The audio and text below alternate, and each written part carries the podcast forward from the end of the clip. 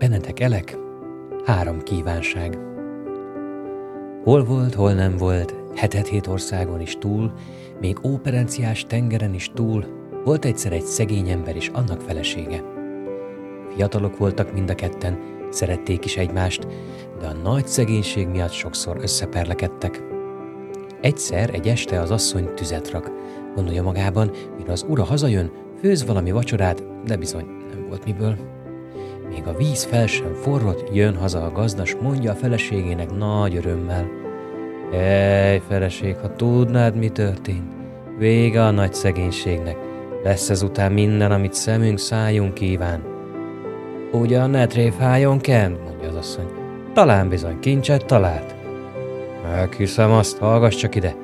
Amint jövök az erdőből, ha mit látok az út közepén, berekedt a nagy sárba egy kicsi aranyos kocsi, a kocsi előtt két mókus, és a kocsiban olyan szép asszony ült, amilyent én még világ életemben nem láttam. Bizonyosan tündér lehetett.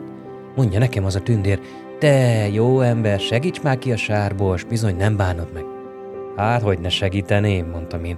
Azzal megfogtam az aranyos kocsit, asszonyostul, mókusostul, azt kikaptam a sárból. Akkor aztán tövirő hegyére kikérdezett engem, hogy van-e feleségem? Hát mondom, van, van bizony. Gazdag vagyok-e? Á, mondom, bizony, szegény vagyok, mint a templom meg. No bizony, ha szegény vagy, akkor mondd meg otthon a feleségednek, hogy kívánjon három dolgot, akármit, és mind a három kívánsága azonnal teljesül.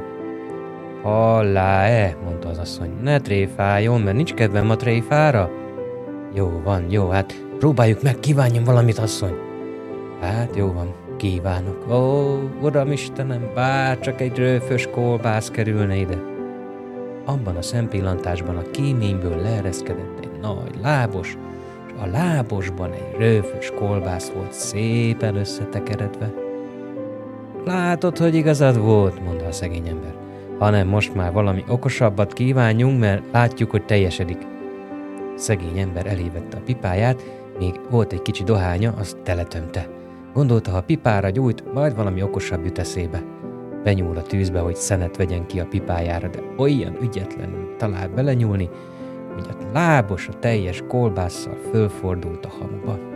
Felpattant az asszony, elkezdett lármázni.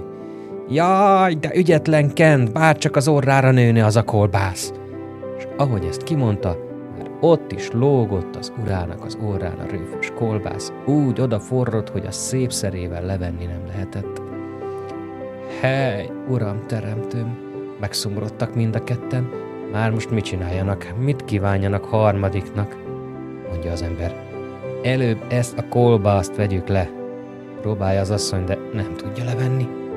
Hát bizony, ezt le kell vágni, mondja az asszony. Egy kicsit az orrából is lecsippentünk. Nem olyan nagy baj az. Hát de már azt nem engedem, mondja az ura. Hát bizony, ha nem, akkor járjon kend a kolbásszal. De már ezt nem teszem, hogy az egész világ csúfja legyek. Istenem, Istenem, mit tudunk csinálni? kérdi az asszony. Tudod mit, asszony? mondja az ember. Kívánd azt, hogy a kolbász essék le az orromról. Mit volt mit tenni? A szegény asszony mégiscsak azt kívánta, hogy az ura orráról essék le a kolbász. Mikor aztán leesett, a hamut szépen lemostra róla, úgy megették együltükben, hogy egy falat sem maradt belőle. Evés közben szépen megbékültek, és többet a szegénység miatt nem veszekedtek, hanem dolgoztak sokat. Lett aztán ökör is, ló is, lett föld is, és lett szép ház is. Még ma is élnek, ha meg nem haltak. Szép álmokat!